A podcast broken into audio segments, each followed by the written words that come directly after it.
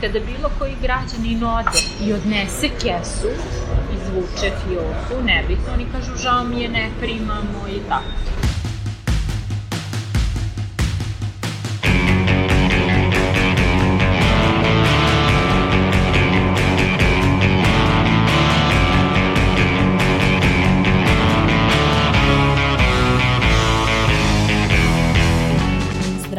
Slušate podcast Reagu i nezavisnog društva novinara Vojvodine. Moje ime je Iva Garić, a na podcastu rade i Sanja Đorđević, Irena Čučković, Nemanja Stevanović i Sanja Kosović. Od kako je počela pandemija, a verujemo da je slično bilo i pre, verovatno svako od vas ima malu kućnu apoteku u svom domu, sakrivenu u nekoj fioci. Tako je Iva. Antibiotik čije je pakovanje lekar prepisao od pola, analgetik koji je previše dugo stajao u fioci, zlu ne trebalo, probiotik koji sada već ima kontraefekat. Ipak, svi ovi lekovi zajedno sa baterijama i ostalim električnim otpadom ne idu u redovnu kantu za otpadke. Ovaj otpad se tretira na drugačiji način. Ako ovo niste znali, ne brinite, niste sami. Pitali smo građane gde odlažu stare lekove i iskorišćene maske. To se kod mene ne dešava da stvaram zali. Ne. Iskreno ne razumem pitanje zato što ni, ne odlažem lekove jer kupujem tačno onoliko koliko mi treba.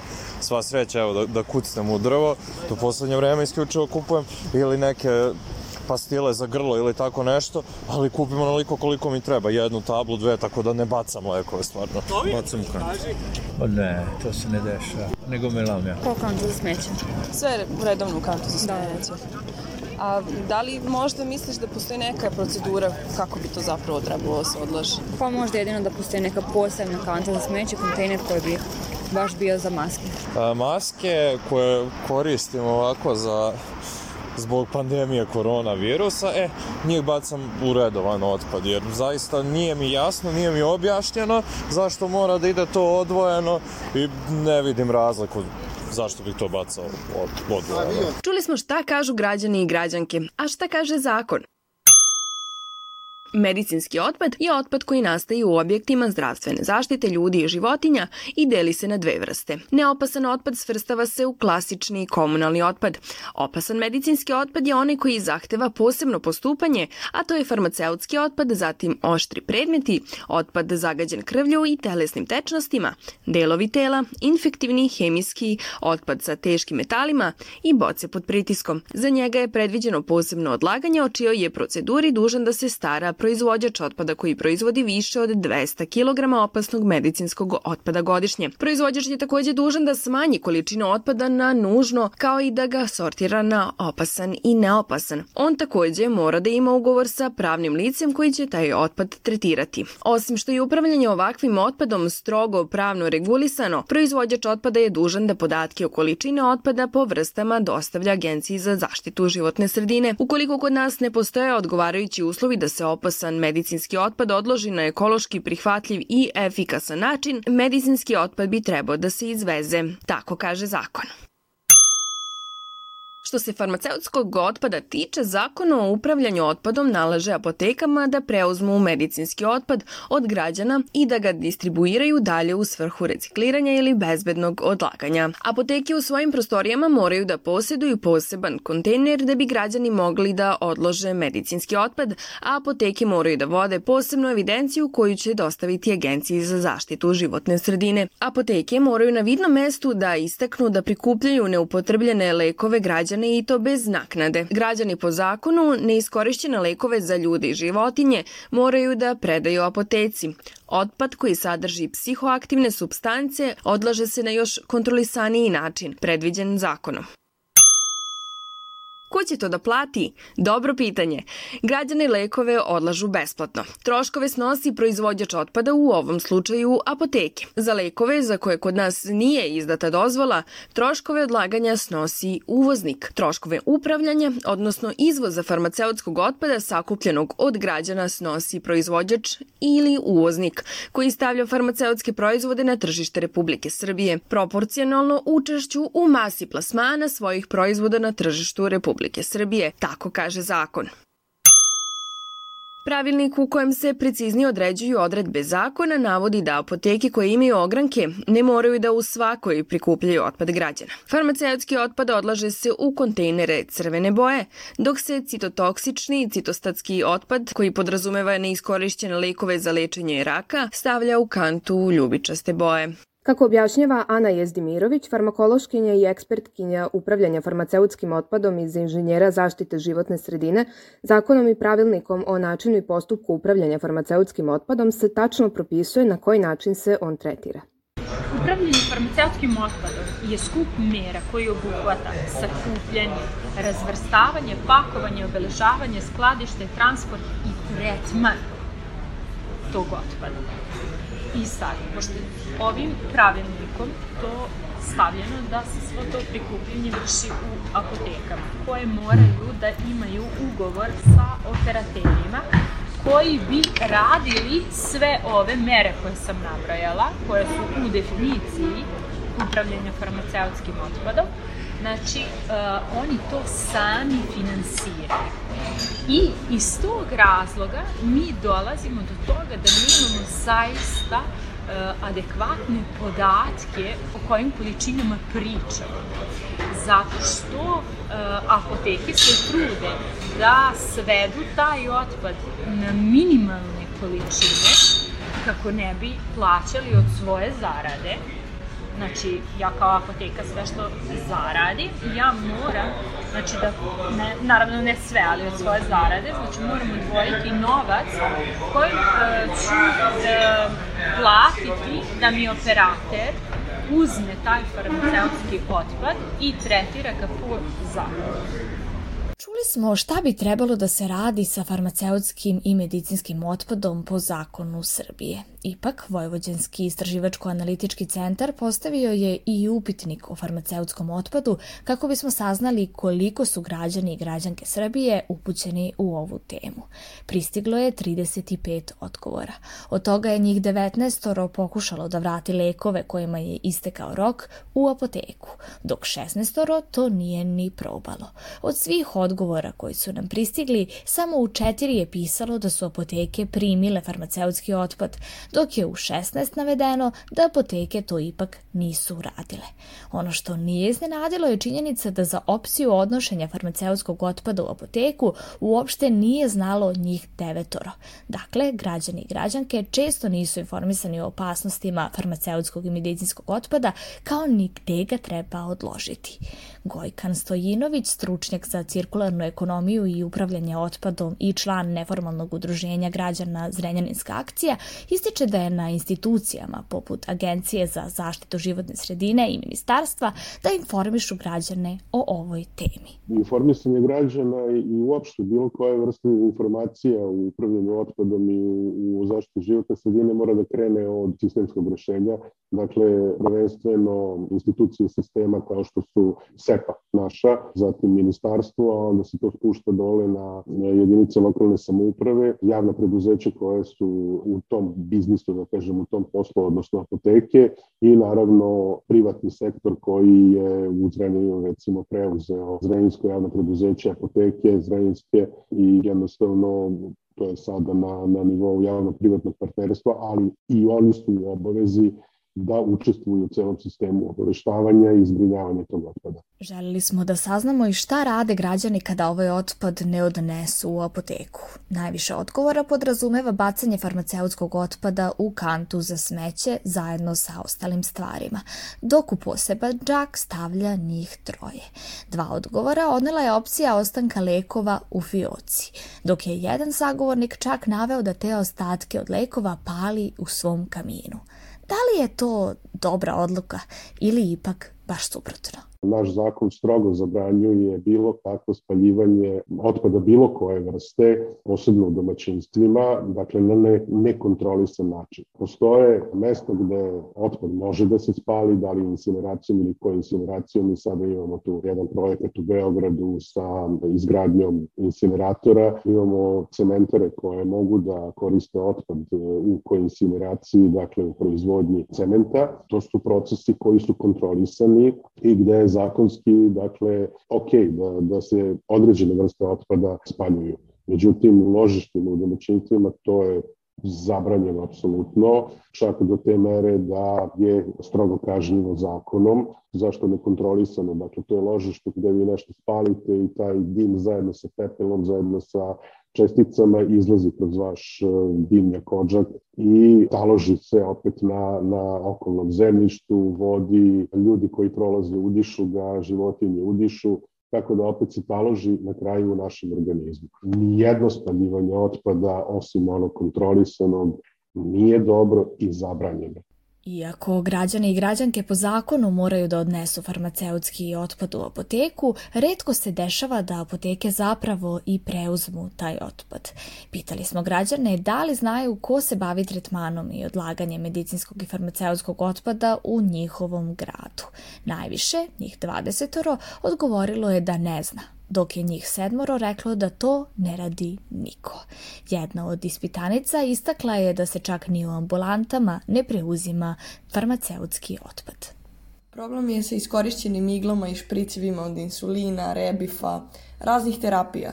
Kad sam pitala u ambulanti da li postoje kontejneri za takav otpad, samo su se nasmijali i rekli, ma znaš li gde ti živiš? Ekonomista u penziji Laslo Palfi iz Bele crkve jedan je od ljudi koji su popunili upitnik na Vojvođanskom istraživačko-analitičkom centru Voice.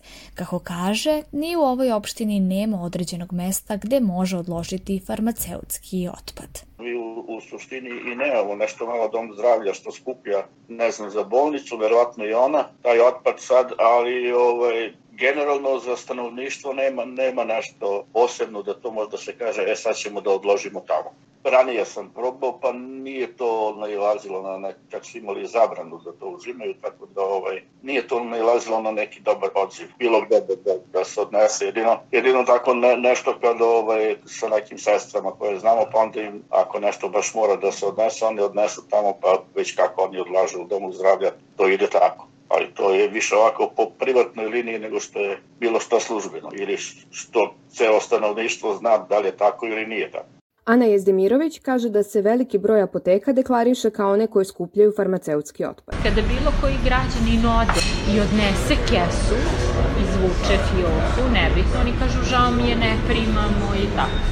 I onda mi sada ne znamo da li je ta količina pola kilograma godišnje totalno realna. Kako kaže Jezdemirović, radila je na studiji koja je obuhvatila intervjue sa svim apotekama u Novom Sadu. Ali se tu javljaju i dve vrste apoteka. Znači, e, kao samostalne apoteke, e, gde broje jednu jedinicu i kao e, zdravstvene ustanove apoteke koje broje više jedinica znači što bi se prevelo na naš neki jezik ili su lanci ili su samostalne apoteke. Znači sad ja ne mogu da verujem da neko ko ima 40 apoteka ima pola kilograma otpada godišnje ili tako neke stvari. Ali oni svi mislim, ne mogu da kažem ni svi, ali veći broj apoteka ima te sklopljene ugovore sa operaterima i no, ali opet kada građani zakucaju na vrata, ne znači da će im svako primiti znači taj otpad koji su oni donijeli. Ana Jezdimirović kaže da je problem u odlaganju farmaceutskog otpada i needukacija onih koji apotekama donose svoj otpad. Oni misle da sve što su kupili u apoteci je farmaceutski otpad. Šta to konkretno znači? Neko ko je e, diabetičar i on kupuje insulin u apoteci. On smatra da sve one iglice koje iskoristi, smatra da je to farmaceutski otpad i skuplja mi godinu dana krv se vode. To nije farmaceutski, znači medicinski je ovamo i čak infektivni, znači sve. I on meni zajedno sa insulinom donese iglice u godinu dana.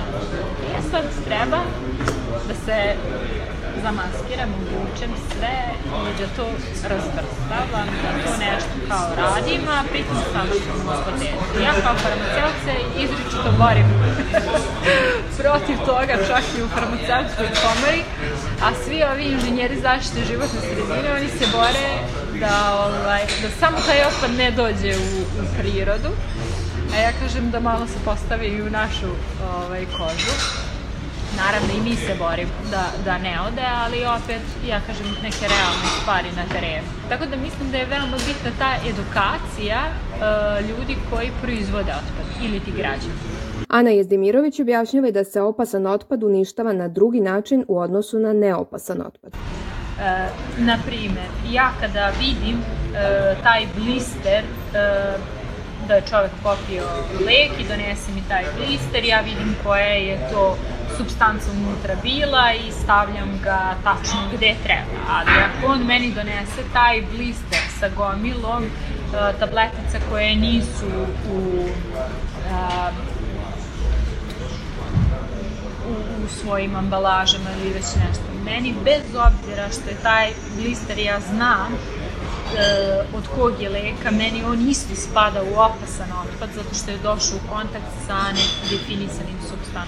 Znači i to je veliki problem, a uništavanje opasnog otpada se radi po posebnim merama i on je skuplji naravno od ovog drugog i tu se dolazi do problema. Iako kapaciteta za odlaganje ovog otpada očigledno nema, čak 10 ispitanika Vojvođanskog istraživačko-analitičkog centra kaže da se količina lekova u kućnoj apoteci povećala u odnosu na period pre pandemije, dok je 25 reklo da je ona ostala ista. Ipak, niko nije označio da je ona manja nego ranije. Organizovano prikupljanje farmaceutskog otpada od građana u apotekama počelo je tek 2010. godine. Šta se radilo do tad, ja stvarno ne znam, e, niti mogu da pričam e, o, o tome. E, mi smo e, kao apoteke imale, imali e, neki tok našeg farmaceutskog otpada koje istekli rokovi ili tako nešto, e, koji je bio organizovan između apoteka mi, nije, nije se primao otpad od građana. E, šta su oni radili, ja mogu samo da kažem ono što su meni, znači što sam saznala ovako, to je bilo e, bacanje u WC šolju, bacanje u komunalni otpad, ljudi su snalazili na razne načine, čak su neki, koliko sam shvatila, nosili u domove zdravlja, pogotovo ti e, diabetičari koji su na insulinu ili tako nešto. I kako se to rešavalo do, do tih godina, ja ne bi mogla sa sigurnošću da... Do 2012. godine, prema rečima Igora Červenke, diplomiranog inženjera tehnologije, Srbija je imala rešenje za farmaceutski otpad. U dogovoru sa Evropskom unijom, Srbija je svoj farmaceutski otpad slala u specijalne spalionice u Evropskoj uniji. Smo imali jedan odličan okvir, znači pre 2012. godine, da smo počeli sa realizacijom u više koraka, znači prva faza da, da mi prikupimo 300 tona da im odnesemo o njihovom trošku. Onda mi prikupljamo i dalje farmaceutski otpad, nosimo o našem trošku u Evropskoj uniji, a za sve to vreme je trebalo da se napravi spalionica u Srbiji. E, i gde je bio ključni problem? Ključni problem je bio što Srbija, e, država Srbija nije odredila u kom će se to gradu, e, odnosno opštini napraviti. Do određivanja lokacije za spalionicu farmaceutskog otpada nije došlo jer nije bilo dogovora na čijoj će teritoriji da se ta spalionica izgradi. Červenka navodi da je logični izbor za spalionicu ovakvog tipa bilo na lokaciji gde se i najviše ovakvog otpada i stvara, a to su veliki gradovi. Ali onda treba da postoji neki drugi princip, a to je princip ko najviše proizvodi tog otpada u, u, u Srbiji, a to je Beograd.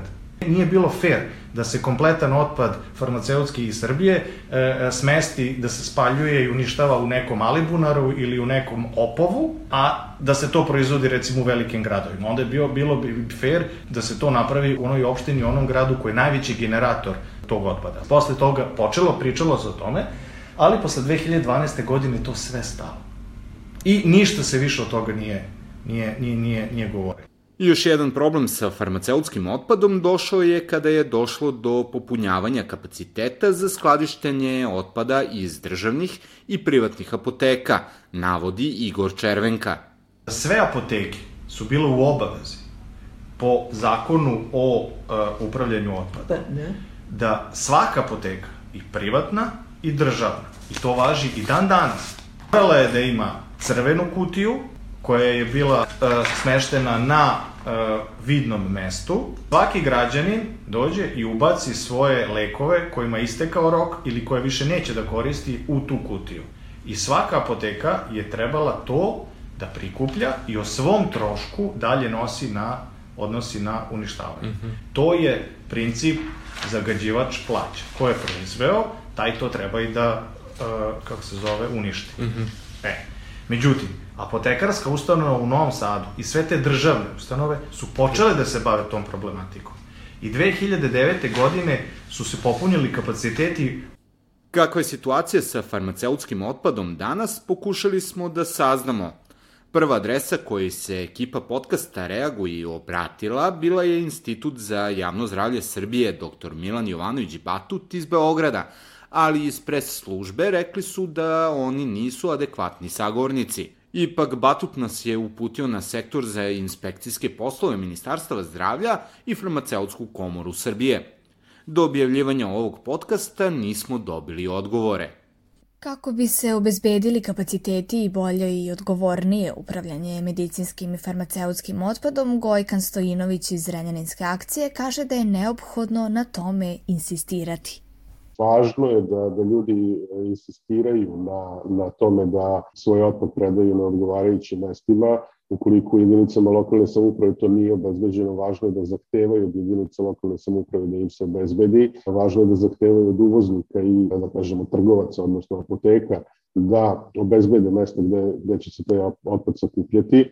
Mi u Srbiji imamo E, u Zrenjaninu konkretno imamo jedno preduzeće koje se bavi upravljanjem medicinskim otpadom, koje e, ima dozvole, radi, ali sve to mora biti sistemski uređeno. Upravljanje otpadom je ekonomija troška Dakle, mora postojati finansiranje svega toga da bi onaj građani mogao besplatno da predate lekove na, na adekvatno i kvalitetno zbrinjavanje. Moraju postojati finansijski mehanizmi koji će to obezbediti. Dakle, znate, vi dođete u, u jednu apoteku, predate tri kutije lekova, treba neko da dođe to svojim nekim vozilom da preuzme, da odnese na neku lokaciju, pa su tu neki uključeni ljudi koji nešto rade i tako dalje, i tako neki tretman, neka energija, sve to ima neki svoj trošak i moraju da postojati finansijski elementi. Stojinović kaže da bi zbog manjka kapaciteta u apotekama trebalo da postoji i produžena odgovornost proizvođača i uvoznika. On objašnjava i kako pogrešno odlaganje ovog otpada utiče na nas same.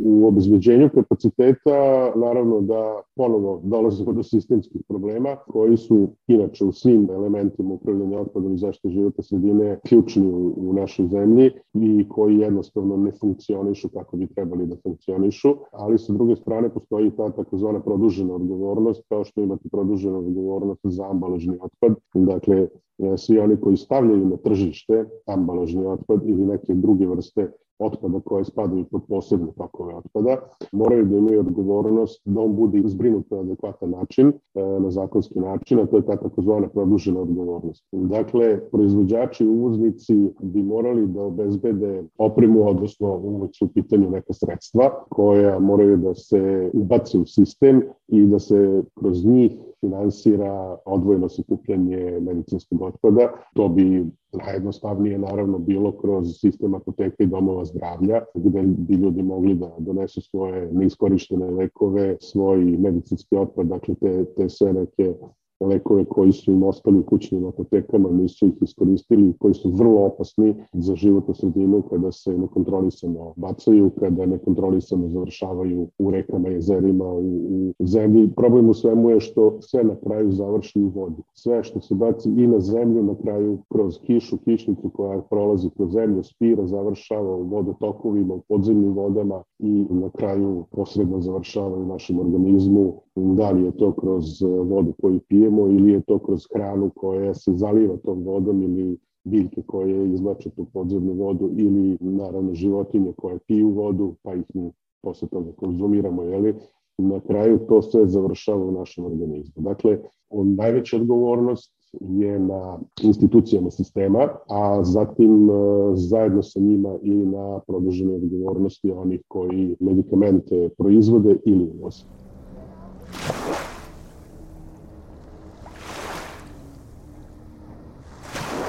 Redovna profesorica na Departmanu za biologiju i ekologiju Ivane Teodorović i istraživačica saradnica sa istog departmana Dina Tenji učestvovala su na međunarodnom projektu Solutions pod okriljem International Commission for the Protection of the Danube River. Po njihovim rečima, projekat je trajao od 2013. do 2018. godine, a bavile su se upravo farmaceutskim preparatima u životnoj sredini. Ceo projekat je služio zato upravo za prioritizaciju substanci i smeša koje bi trebalo pratiti u buduće. Da bi se proces prioritizacije izveo kako treba, e, jako je važno je videti pravi uticaj zagađenja, jel? jer mi možemo da merimo substance kojih ima puno, kojih ima u niskim koncentracijama i da nijedna od njih ne bude e, kritično rizična, jel? ako nema konkretan uticaj. Tako da u projektu je bilo puno bioloških i ekoloških timova kojima smo mi pripadali, koji smo bili ipak zaduženi da vidimo efekte zagađenja. Istraživački tim je, između ostalog, radio eksperiment sa ribama. Oni su postavili kaveze na više delova Dunava u kojima su postavili šarane kako bi videli potencijalne promene. Jedan kavez bio je u zaštićenom području, dok su drugi bili locirani kod otpadnih voda. One su na osnovu tog istraživanja uočile da postoje određene razlike u genetskoj strukturi između riba koje su bile smeštene u kavezima ispod kanalizacionog ispusta i u onim koje su bile u zaštićenom delu. Teodorović i Tenji ističu da ih je u samom istraživanju, koje obuhvata ceo Dunavski sliv od izvora do ušća, najviše iznenadila količina farmaceutskih substanci u vodi. Njihova pretpostavka jeste da je genetska promena uočena kod riba u Novom Sadu nastala delimično zbog povećane količine psihoaktivnih substanci u otpadnoj vodi. Nas je tada zapravo iznenadilo koliko ima farmaceutskih preparata i koliko ima neuroaktivnih, ne, neuroaktivnih substanci? Pa različiti antidepresivi, antipsihotici, e, antiepileptici, da, stimulanti kao što je kafein. Veliki broj stimulanata, e, veliki broj metabolita rekreativnih droga. To su recimo stvari koje su nas iznenadile. Teodorović ističe da je problem u tome što su postrojenja za prečišćavanje predodređena za komunalni otpad, ali ne i za farmaceutske substance. Konvencionalna klasična postrojenja za prečišćavanje otpadnih voda nisu dizajnirana da uklanjaju specifične substance. One uklanjaju komunalno, komunalno organsko ogromno opterećenje i većina njih nije kadra da se izbori sa novim substancima. E, zašto kažem nove? Neke od, neke od lekova koje se koriste su veoma stari, poput aspirina, ali s godine u godinu mi imamo e, generacije i generacije novih lekova i prosto ta prostorenja nisu dizajnirana da te substance uopšte uklanjaju. Modernizacija svakako jeste neophodna, ali potencijalno može da donese nove probleme. Ivana objašnjava zašto. Drugi e, problem jesu, jeste modernizacija postrojenja koja se dešava i mi smo imali u projektu Solutions jednu, jedan broj veoma modernih postrojenja za prečišćavanje u Švajcarskoj e, koja su tokom projekta uradila upgrade. I za mnoge substance ima smisla upgrade. Za mnoge substance nije da, da, da nema nikakvog smisla, međutim transformacijni proizvodi koji se, e, do kojih koji nastaju e, jakim oksidacionim procesima e, u tim na, takozvanim naprednim tretmanima mogu da dovedu do formiranja toksičnih metabolita i transformacijnih proizvoda nego što su originalne substance. Baš za živi svet u e, recipijentnim vodama, odnosno vodoprijemnicima. Pričamo o tome na koji način farmaceutski otpad može da utiče na život ljudi i životinja. Završavamo 85. epizodu podcasta Reaguju u kojoj smo govorili o pravilnom i nepravilnom odlaganju ovog otpada.